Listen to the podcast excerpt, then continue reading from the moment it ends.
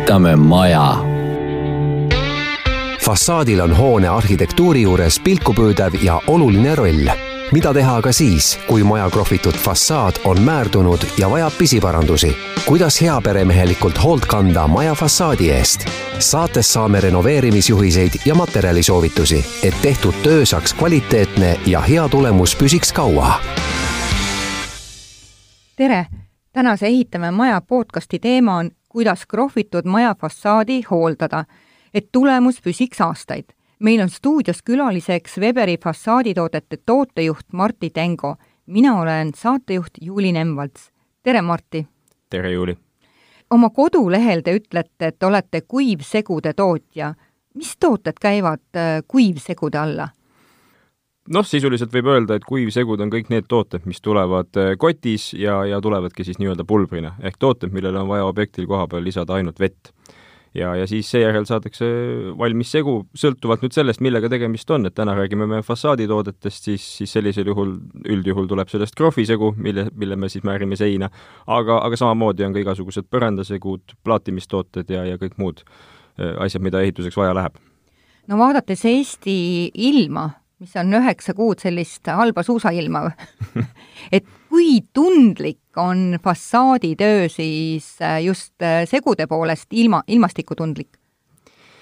jah, siin on nüüd ka päris mitu äh, aspekti, mida tuleb tegelikult arvestada, et, et üks asi on see, et mis on see paigaldustemperatuur, teine asi on täpselt see, see niiskuse küsimus et täna on tegelikult Eestis me räägime siis õueniiskusest? õueniiskusest mm, -hmm. ütleme paigaldustingimustest.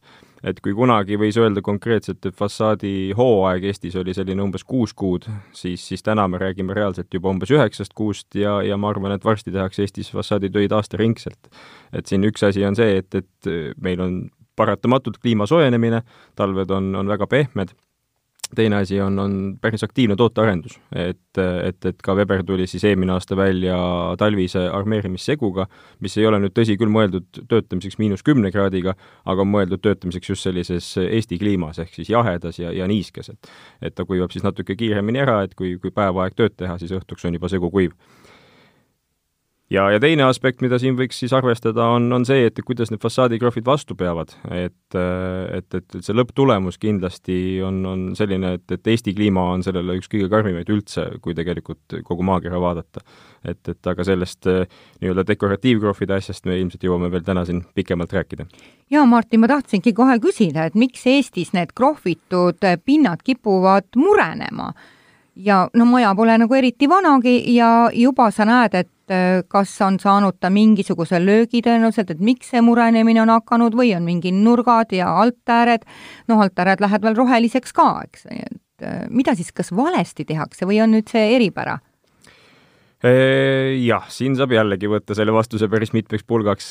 üks asi on Nii. kindlasti, jällegi tuleme tagasi selle Eesti kliima juurde, et mida Eestis on hästi palju tehtud ja, ja eriti palju nägime seda viimase buumi ajal, kus, kus kogu aeg oli kiire ja, ja tehti, tehti tõesti lohakalt tööd ja väga ei pööratud kvaliteedile tähelepanu, siis kui dekoratiivkrohv paigaldatakse külma ilmaga ja ta jõuab, ütleme, oma kuivamise käigus juba läbi külmuda, siis sellisel puhul kindlasti ta hakkab sealt seinast mingi aja pärast lahti lööma, pragusid sisse tõmbama ja, ja see lõpptulemus väga hästi välja ei näe.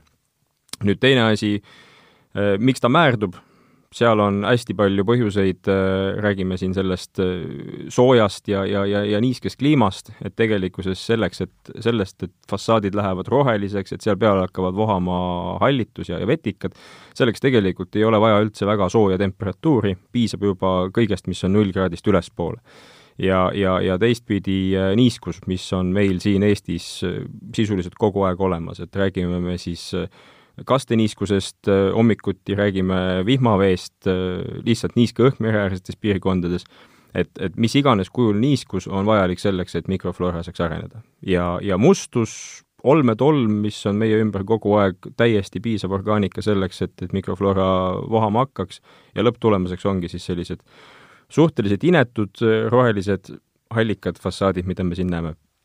Martti, te ütlesite just, et äh, väga palju oleneb sellest, kuidas see dekoratiivkrohv sinna pinnale pannakse. Eh, mis on need aluskihid, mis, eh, mis tuleb ennem ära panna ja kuhu läheb siis see dekoratiivkrohv peale? No kõige levinum variant täna, mida kasutatakse, on siis see, et, et hoone tuleb kõigepealt soojustada. ehk siis tavaliselt kas siis vahtpolüstireeniga ehk nii-öelda EPS-iga või, või rahvakeeli penoplastiga pannakse siis maja peale, et maja saaks soojem, või, või teine variant on, on mineraalvillaga ja, ja, ja seejärel siis mineraalvill või, või EPS tuleb, tuleb pealt ära armeerida, et see on see, mis, mis inimestele tundub selline noh, mitte võib-olla kõige usaldusväärsem, et see kiht on seal tõesti viis millimeetrit ja kui teda koputada, siis ta natuke kõmiseb vastu ka, ütleme kümme-viisteist aastat tagasi inimesed arvasid, et see on midagi sellist, kus, kus noh, toetab midagi vastu seina ja kohe, kohe on auk sees tegelikult see muidugi nii ei ole, et, et need on täna ikkagi väga, väga head tooted, väga hästi taluvad lööke, et, et, et need löögitugevused on ka täiesti, täiesti eraldi teemad, millest räägitakse ja igasugused löögikindlad fassaadilahendused, mis, mis tegelikult on nii meil kui ka teistel tootjatel ilusti olemas äh, nii, siis ar-, armeeritakse see ära?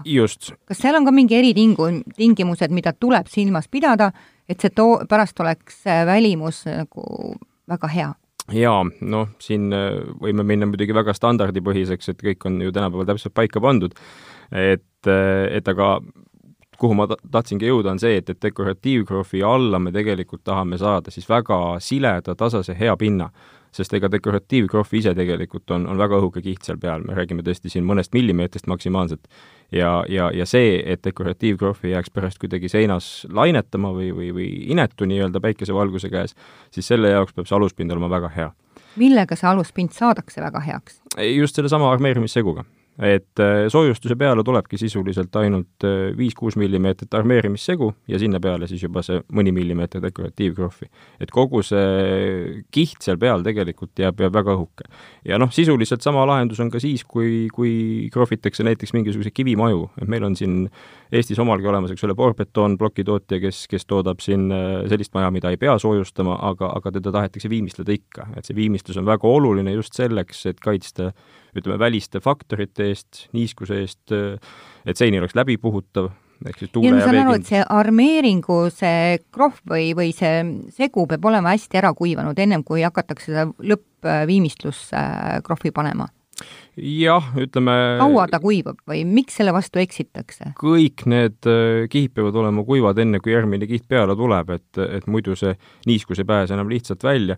aga kui me räägime armeerimissegust, äh, siis, siis tema kuivamisaeg on selline umbes sentimeeter ööpäevas heades tingimustes. kui on loomulikult jahedad tingimused, siis tuleb paar päeva anda aega, et olla kindel ja, ja kui meil ennem oli jutuks, et ta paksus ongi võib-olla seal kuidas see oli, pool no umbes viis millimeetrit minimaalselt, jah. ja ta tegelikult peaks ikkagi ööpäevaga ära kuivama, on nii või? jah, suvisel ajal kindlasti. kevadel, sügisel äh, ja, ja pehmel talvepäeval äh, anname talle seal paar-kolm päeva, siis sellest piisab.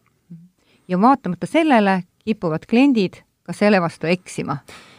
jah kahjuks küll, et äh, kõigil on kiire, äh, siin on muidugi see aspekt ka, et, äh, et, et tihtilugu segatakse segud valmis liiga vedelad, lisatakse liiga palju vett, see on kindlasti üks omadus, mis, mis, mis tegelikult muudab seda segu käitumist ja, ja, ja tegelikult äh, pikendab ka kuivamisaega, pluss see vesi peab sealt ju välja minema. no just, et, et see on, see on see probleem ja, ja kui me siin äh, krohvime näiteks äh, kivimaja üle, millest siin ka oli, oli juttu, siis, siis me peame ka arvestama seda, et see aluspind peab ka kuiv olema. et me ei saa kindlasti hakata katma märgasid kihte. et siis, siis on probleem see, et me täna krohvime selle vee sinna kõik seina külge kinni ja ühel hetkel hakkab see sealt siis väljakuivamise käigus võib-olla krohvikihte lahti lükkama ma olen ka kuskilt kuulnud, võib-olla see on müüt, aga ma igal juhul küsin üle, et äh, hästi krohvitud pind läheks tegelikult ka niiskuses nagu veel tugevamaks.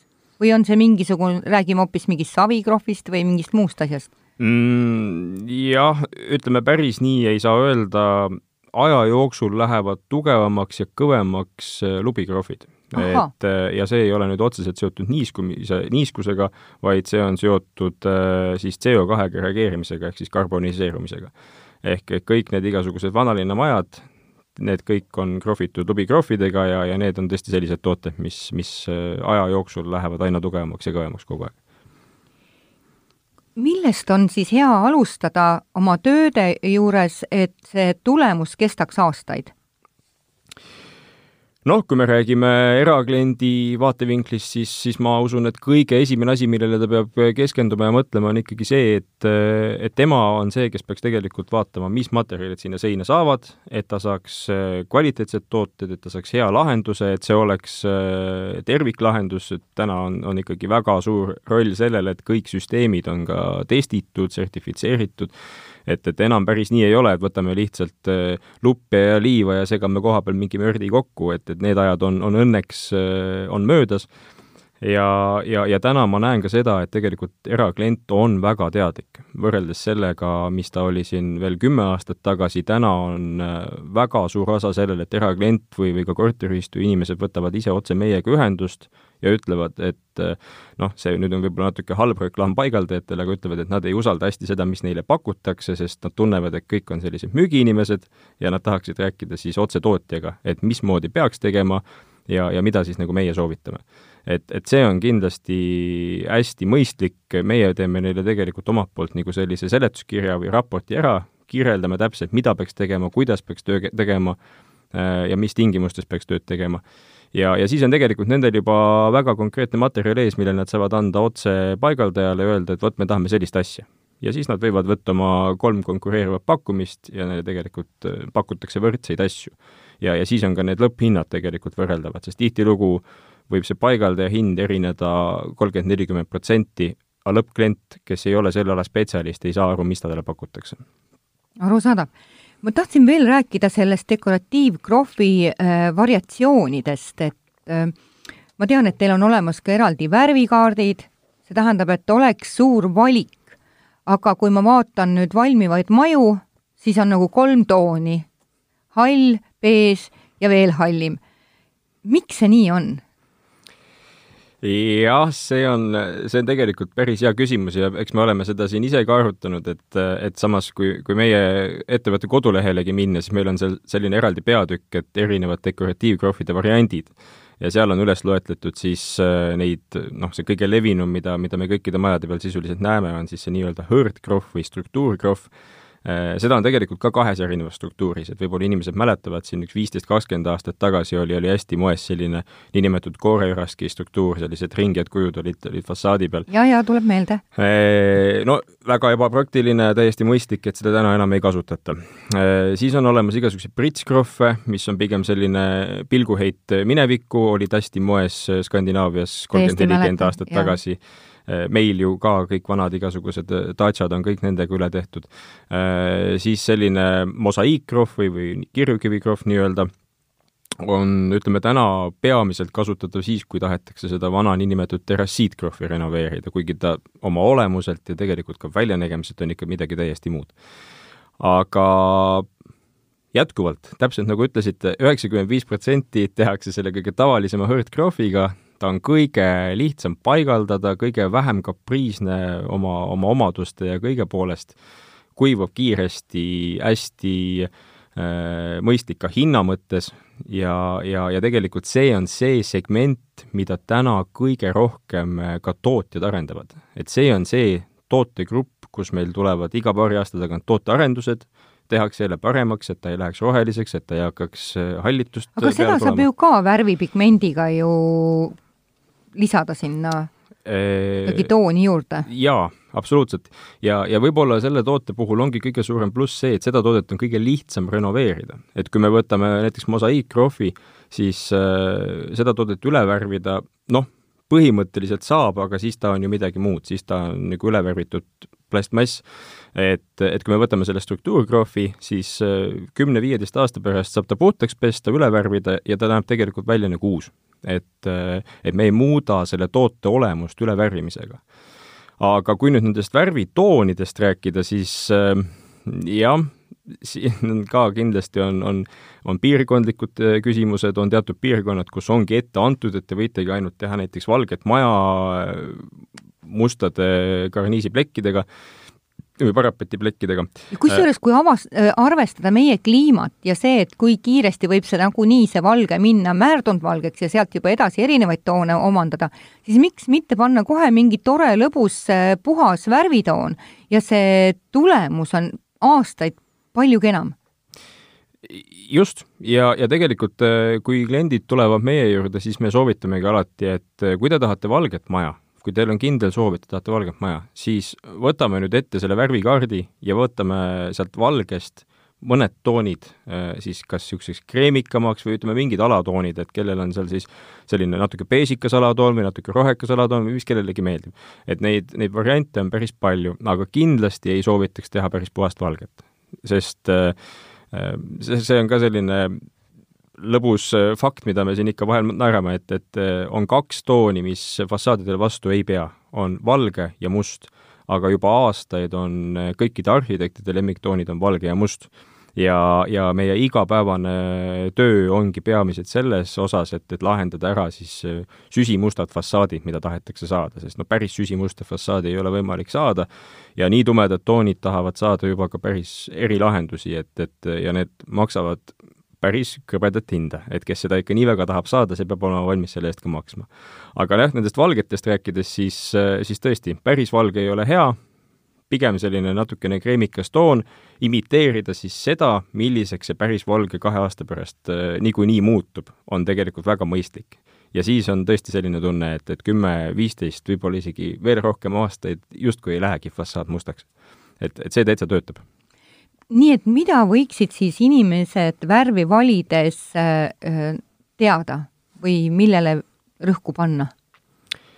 Äh, ongi seesama mõte, et, et mitte valida päris puhast valget ja vältida väga tumedaid toone. muidugi on veel üks asi, millest me üldse ei rääkinud, on hästi intensiivsed toonid. et, et siin alles täna hommikul tegelesin ühe majaga, kus inimene tahtis saada sellist väga rõõmsat kollast fassaadi hästi palju probleeme, võime ta täna ilusa kollase teha, ka kõige paremate toodetega ta ei ole ikkagi lõplikult äh, pleekimiskindel, ta ei ole selline kollane kümne aasta pärast, äh, ja teine asi on see, et, et, et selline lõbus kollane, noh, toome võrdluse, kui me teeme sellist kreemikat, peaaegu valget äh, krohvi, siis, siis selle krohvi ämbri toonimine maksab võib-olla mõni euro ühe, ühe ämbri kohta, siis selline rõõmus kollane võib maksta isegi üle saja euro ämbri kohta wow.. ja kui klient seda kuuleb, siis tal enam ei ole nii rõõmus tunne. et, et see, need on need aspektid, mida inimene ei oska arvestada, kui ta värvikaardist toone valib ja, ja kindlasti sisevärvide puhul on see asi natukene nii-öelda leebem ja pehmem, et need hinnavahed nii suured ei ole aga milliseid materjale siis on üldse hea kasutada, et see krohvitud tulemus kestaks aastaid? Jah, siin tuleb arvestada siis, ongi üks asi see, et, et, et kas need tooted on tulevikus vajadusel ka kergesti pestavad, kas nad on kergesti hooldatavad ja kas nad on kergesti renoveeritavad. see on kummaline, te Martti ütlesite ennem juba ka, et pesta, et mismoodi see, tundub, et krohv on ikkagi suhteliselt ju habras. kuidas ta seda pesemist talub? Inimestel on see kujutelm, et, et nad lähevad poodi ja tellivad mingisuguse asja, millele nad lisavad äh, ette sõna, niisuguse maagilise sõna nagu hooldusvaba. aga tegelikkuses see asi päris nii välja ei näe. et, äh, et tegelikult on ju täna muutunud täiesti normaalsuseks see, et kui me valime endale sisevärve, noh, räägin ikkagi nendest sisetöödest ka, sest ilmselt need on asjad, millega inimesed võib-olla ise rohkem kokku puutuvad. et, et sisevärvide puhul on, on täna täiesti loogiline, et me tellime endale pestavad värvid, pestavad elutoa seinavärvid näiteks, on, on ju sellised asjad olemas. et, et fassaadi puhul ei saa ka sellist asja nagu hooldusvaba, vahet ei ole, kas see on krohv või on see puit või on see mingisugune komposiitplaat, igatahes tuleb teda pesta ja, ja hooldada mingi aja pärast ja, ja tegelikult on, näiteks meil on niimoodi, et kui meie teeme ühe fassaadi valmis, siis me anname kaasa ka hooldusjuhendi. see on suhteliselt lihtne ühe-kaheleheküljeline fail ja, ja inimesed äh, saavad sealt sellised põgusad juhised, mida siis jälgida. et, et iga kevad, iga sügis peaks vaatama nii-öelda fassaadi hästi kergelt üle, kui juba teada, kuidas see käib, siis see ringkäik eramaja puhul võtab võib-olla viis-kümme minutit ainult. Ja, ja, ja kohe on näha, kas kuskilt on hakanud määrduma, siis tuleb juurelda natukene, miks ta on hakanud määrduma, kas siit jookseb kuskilt vesi peal, on mingisuguste veeplekkide ühenduskoht lohakalt tehtud. Ja, ja kui sellised määrdumiskohad on, siis tegelikult on mõistlik neid, neid pesta, sõna otseses mõttes võttagi soe vesi, käsn ja, või, või mingisugune pehme harjas ja sellega teda, teda proovida puhastada. Ja see ei tee sellele fassaadile mitte midagi. Et tegelikult on võimalik fassaadi pesta ka survepesuriga, aga ütleme, kui seda ise teha, olla ettevaatlik või lasta teha siis professionaalidel, et olen näinud küll, kuidas survepesuriga on lastud augud sisse, et, et see on, on täitsa võimalik. mulle tundub endale ka jah, aga, aga kui näiteks meil on fassaad väga kole ja märdunud ja me tellime täna mingisuguselt fassaadifirmalt, et, et peske puhtaks, värvige üle, siis ega, ega nad muud moodi seda täna ei teegi kui survepesuriga. Martti, sa ennem ütlesid ka, et kui ma lähen ja teen sellel maja juures siis selle ülevaatuse, et mis nagu talve jooksul on juhtunud. ja tõesti, kui ma näengi, et seal on mingi koht, mis vajab parandamist, siis äh, kuidas see parandamine käib ja kuidas see visuaal pärast siis on, et ongi näha, et on nagu lapp peale saadud sinna maja peale või? kui nüüd tõesti on selline olukord, et, äh, et vaatame oma fassaadi ja, ja näeme, et kuskilt on tükk äh, lahti tulnud, no suure tõenäosusega on see mingisugusel põhjusel, on tulnud mingi mehaaniline vigastus või miskit, siis tegelikult kõige esimene samm peaks olema see, et, et pöörduda spetsialistide poole. üks variant, kui on teada, kes selle fassaadi tegi, olete ise näiteks alles mõned aastad tagasi selle töö tellinud, siis võite küsida selle paigaldaja käest või siis pöörduda meie poole, et, et see selline suhteliselt suur osa minu igapäevatööst ongi. ja, ja, ja siis saab juba tegelikult täpsemalt vaadata, et, et miks see põhjus on, mis see põhjus on, miks see asi on katki läinud ja, ja teine variant siis sealt edasi, et, et kuidas seda renoveerida, et, et kindlasti ei ole mõtet lihtsalt lappida mingit asja ära, kui seal on hoopis tegelikult sügavam põhjus aga kui sellest kohtparandusest rääkida, siis äh, kohtparandusi on, on sisuliselt võimatu teha nii, et need näha ei jääks. Mulle endale tundub samamoodi no just, et, et tavaliselt me alati ütleme, et, et tuleb lihtsalt siis piiritleda ära mingisugune ala, kas siis kuskilt aknast aknani või, või nurgast nurgani või, või vihmaveetoru tagant nurgani või midagi sellist. ja, ja, ja reeglina siis äh, ikkagi terve see osa siis täielikult äh, üle krohvida, et ta jääks kõik ühte tasapinda ja ei jääks kuidagi koledalt välja paistma. et siis tuleks see ülejäänud osa lahti nokitseda ettevaatlikult või kuidas see on üle krohvida? Ei, kui nüüd krohv igal pool mujal on iseenesest täiesti terve ja tugev, siis tegelikult ei ole mõtet seda sealt seinast ära kakkuda, et, et siis äh, lihtsalt täidame selle augu ära ja sealt ümbert siis kohvime õrnalt üle? tasandatakse tegelikult üks kiht peale, tehakse siis nii-öelda pahteldluskiht vahele ja siis pannakse uus dekoratiivkrohv. et, et sellisel juhul jääb ta küll natukene nii-öelda, sein jääb paksem, aga selle võrra ka tugevam. et, et, et aga ta jääb kindlasti ühte tasapinda, et see on kõige olulisem, sest noh, ütleme selline keskpäevane päike nii-öelda riivvalguses, nagu me neid fassaade ütleme alati, et ei tohi vaadata, aga nagu tellija kipub tavaliselt vaatama, siis, siis muidu see kohtparandus on selles riivvalguses väga hästi näha. tundub, et sellised parandustööd lähevad ka üsna kulukaks kindlasti sõltub jah sellest, et äh, kui, kui suures osas on vaja see asi üle teha, aga, aga ega ta jah, kõige lihtsam ja soodsam lõbu ei ole. Äh, kõige, kõige soodsam variant teha parandustööd nii, et, et kaitsta seda fassaadisüsteemi siis välise ilmastiku eest, on tõesti lihtsalt plommida see auk ära. aga see, nagu öeldud, ei jää väga, väga nägus aga, aga vähemalt ta kaitseb siis alumisi kihte välise niiskuse ja, ja, ja selle nii-öelda ohutegurite eest. et selles mõttes seda plommimistööd noh, saavad inimesed ise ka teha põhimõtteliselt. Martin, kui me räägime üldse fassaadi krohvist, et mis on selle eluiga? millega me saame arvestada? kui rääkida nendest äh, nii-öelda soojustusega lahendustest või, või nagu täispikk äh, nimetus on mitte väga suurepärane, on soojusisolatsiooni liitsüsteemid, siis, äh, siis nende puhul tegelikult täna räägitakse siin paarikümnest aastast, kui isegi nii pikalt? kui jah, et, et noh, ütleme, äh, Skandinaavias on sõnastatud, et, et eluiga peaks olema vähemalt kakskümmend viis aastat ja, ja täna tegelikult näiteks Soome on selline eeskujulik, kes, kes siin testib siis külmatsükleid juba, juba palju rohkem kui Kesk-Euroopas ja, ja räägib, et, et peaks kestma maja eluea. noh, täna on teada, et, et, et sellised soojusisolatsiooni liitsüsteemid, kõige vanemad on äh, minule teadaolevalt vist juba üle kuuekümne aasta äh, Saksamaal. et, et Eestis see tehnoloogia ei ole paraku nii kaua veel lihtsalt olnud. aga meil üheksakümnendatel tehtud majad seisavad tänase päevani väga hästi, kui krohvid on korralikult paigaldatud, mehaanilisi vigastusi ei ole, ei ole ühtegi põhjust, miks, miks asi ei peaks kestma. hea teada mida kõige rohkem krohvitud pinnad kardavad? et mida me ei tohiks kindlasti teha? no kõige rohkem kardavad nad neid samu mehaanilisi vigastusi, et et kui nüüd krohvisüsteemile tuleb, ütleme siis, mingisugune löök, need on tegelikult tihtilugu täiesti, tõesti tahtmatud tegevused, kortermajade puhul me näeme väga hästi seda, et näiteks pea sissekäigu juures on, on vasakult ja paremalt seinad augulised, need tavaliselt kipuvad näiteks kolimiste käigus ikka mõni riiulinurk äh, libiseb käest ära ja, ja läheb täpselt sinna krohvfassaadi sisse. Ja, ja, ja, ja, ja igasugused muud taolised äh, tahtmatud vigastused ja, ja see loob tegelikult siis võimaluse veel pääseda sinna krohvisüsteemi sisse. ja see on tegelikult hästi, hästi ohtlik.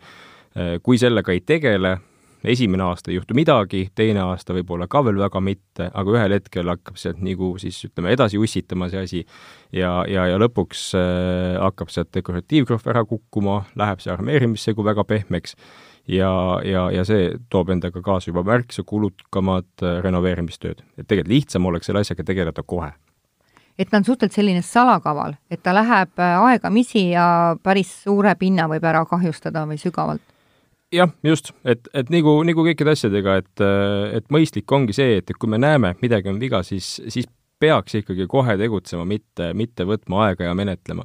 me näeme täna korteriühistute puhul väga tihti seda, et, et, et lükatakse neid asju aasta-aastalt edasi, siin on mul korteriühistud, kus on seitse-kaheksa aastat mõeldud, et ma näen, et on jama, peaks tegelema, aga kuidagi kas ei leia siis seal ühistu koosolekutel seda konsensust, äh, mõni arvab, et, et ei ole ju häda midagi, ega see soojustus seinast alla ei kuku, ja, ja lõppkokkuvõttes on siis äh, tulemas see, et, et ühel hetkel tuleb sisuliselt kogu fassaad üle teha.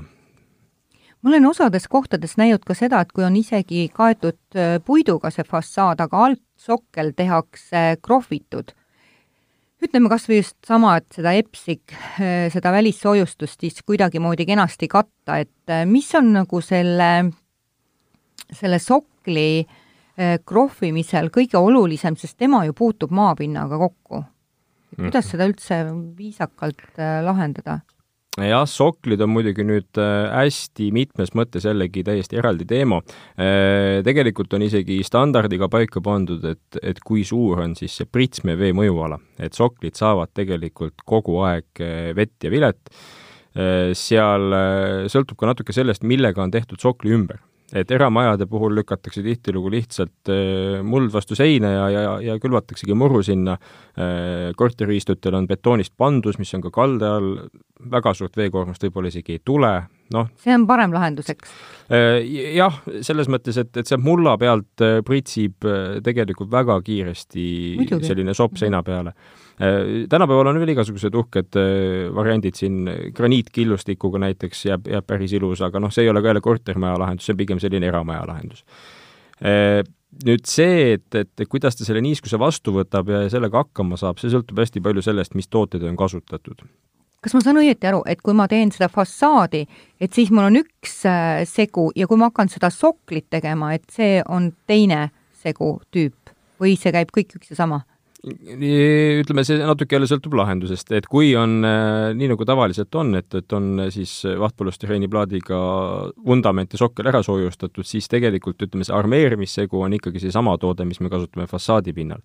Aga siis ütleme, see dekoratiivkrohv võib olla teine, aga ilmtingimata ei pea olema. et on tooteid, mis sobivad nii ühte kui teise kohta, aga, aga on tooteid, mis näiteks fassaadile sobivad, aga soklisse ei sobi. et kindlasti tuleb kasutada sellist toodet, mis oleks ise hästi väikese veeimavusega, et ta ei hakkaks märguma, et ta ei koguks seda niiskust, mis sealt äh, pinnase pealt tagasi pritsib enda sisse ja, ja ei hakkaks seal siis tegelikult neid samu maagilisi külmatsükleid läbi tegema see toob varem või hiljem hukatuse kaasa. kus ma seda näen, et tal on väike veeimavus?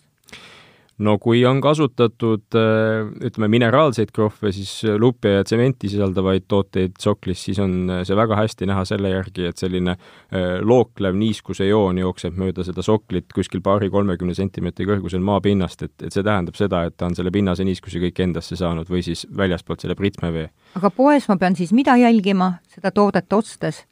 küsima spetsialisti käest, et missugune toode sobib soklisse, see on kõige kindlam Aha. variant soklite juures on tegelikult veel üks hästi oluline teema, mida, mida ma olen siin käinud juba aastaid ja, ja koolitanud ja huvitav on see, et Eestis isegi, isegi paljud paigaldajad ei ole sellest väga palju kuulnud, kuigi tegelikult on see niikaua, kui need soojusisolatsiooni liitsüsteemid on olemas olnud, on, on ka tegelikult sellest räägitud ja, ja kõikidel tööjoonistel on nad olemas et, äh, et tegelikult see osa krohvidest, mis jääb siis maa alla, mida Nii. me tegelikult ei näe. mul on kodus just selline sokkel, mis on täiesti veel tegemata. tegemata, väga ja. hea, no vot, siis tasub kõrva taha panna.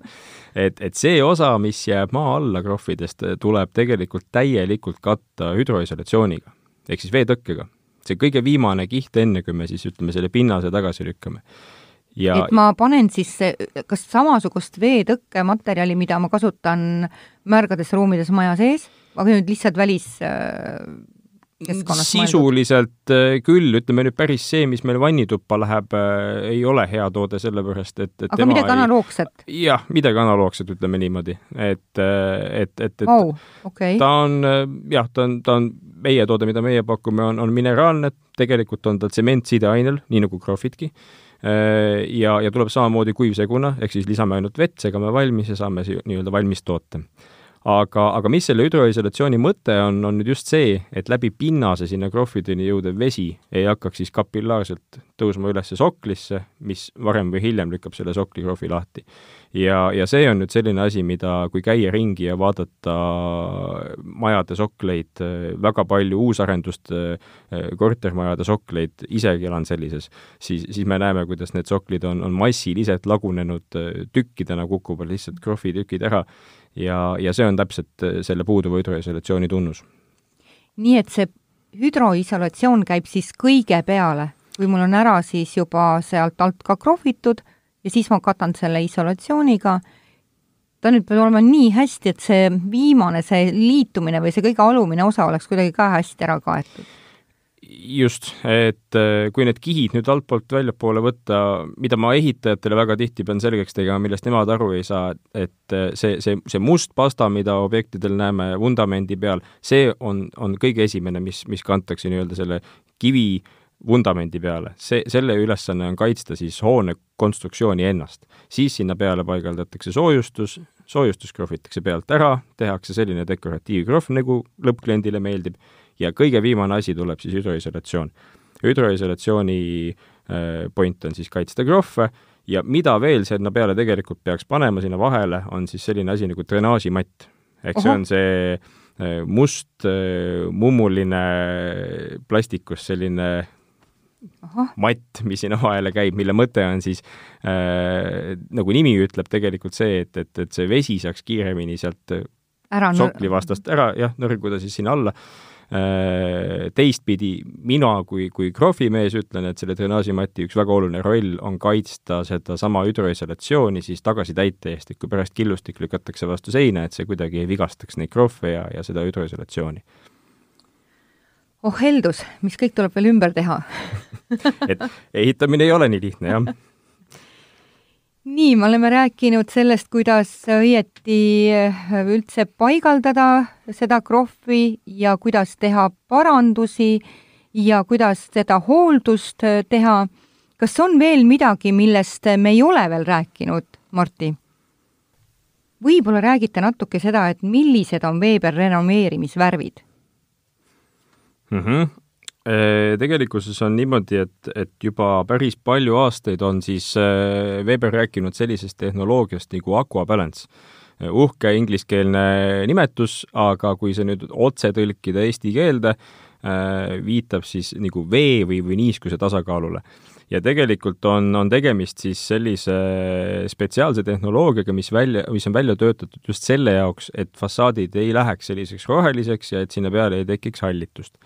Ja, ja, ja kui minna nagu ajas veel natuke tagasi, rääkida natukene keemia poolest, siis põhjus, miks selle akupõlenduseni on jõutud, on, on tegelikult see, et, et varasemalt kasutati krohvide kaitseks päris kanget keemiat. lisati krohvi sisse biotsiidi, samuti ka värvide sisse ja, ja, ja see töötas iseenesest suhteliselt hästi, aga seda biotsiidide kasutamist on Euroopa Liidus piiratud aasta-aastalt ja juba, juba kakskümmend aastat on iga mõne aasta tagant keeratud neid kraane siis kinni, et ärge kasutage nii palju keemiat, sest see on ohtlik keskkonnale, äh, ka paigaldajatele, lõppkokkuvõttes ka inimestele endile, eks ole, kes seal majas elavad.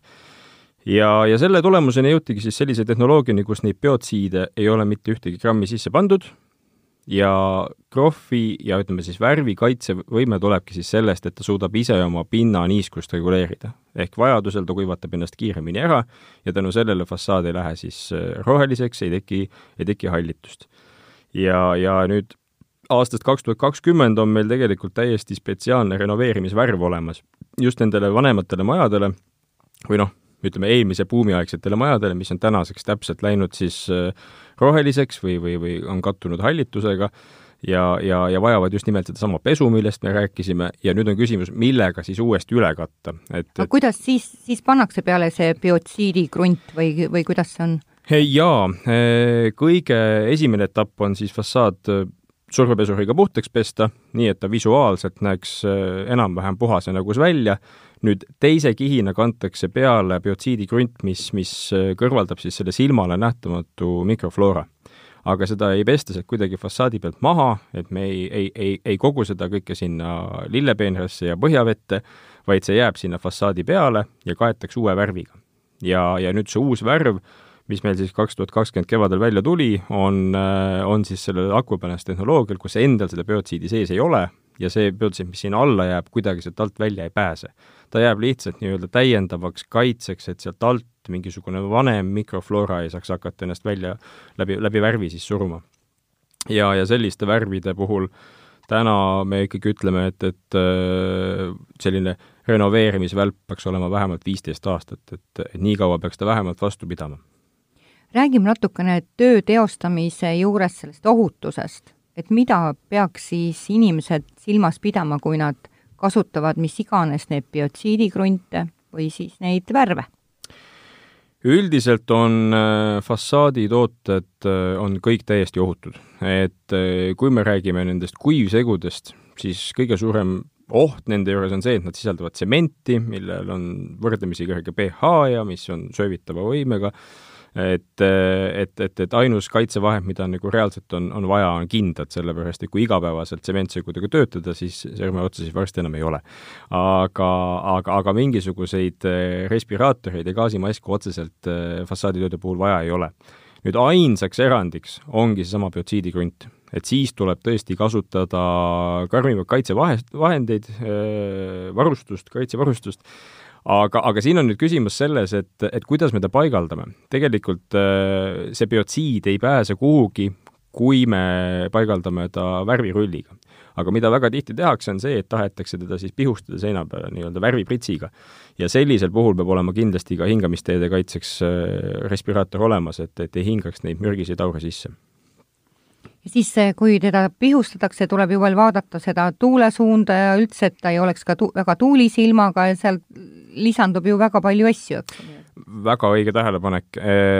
Üleüldse fassaaditööde puhul on tegelikult see, et ei ole hea teha tööd tuulise ilmaga, enamus tööde puhul ei ole muidugi probleem, et see tuul kuhugi mingisuguse materjali minema kannaks, aga biotsiidikrundi puhul pihustades on tõesti see probleem, et ta seda biotsiidi keemiat, kanget keemiat kuskile laiali ei, ei veaks. aga, aga üleüldiselt, miks see tuul on, on halb, on see, et tuul kuivatab väga kiiresti.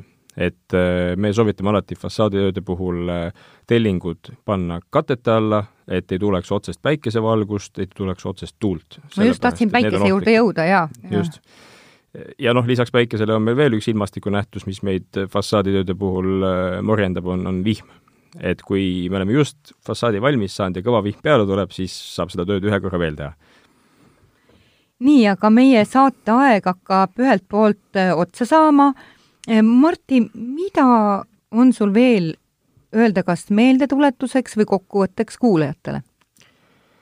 tegelikult äh, nagu siin saate alguses sai kohe öeldud ka, et, et kõige kindlam variant, kui, kui on mingisugused küsimused fassaadi osas ja ei ole väga kindel, et kuidas ja mida teha, pöörduge lihtsalt spetsialistide poole. et äh, minu kontakt on ka Weberi koduleheküljel olemas, et, äh, et, et võtan enam-vähem kogu aeg toru vastu ja kui küsimusi on, siis, siis andku märku.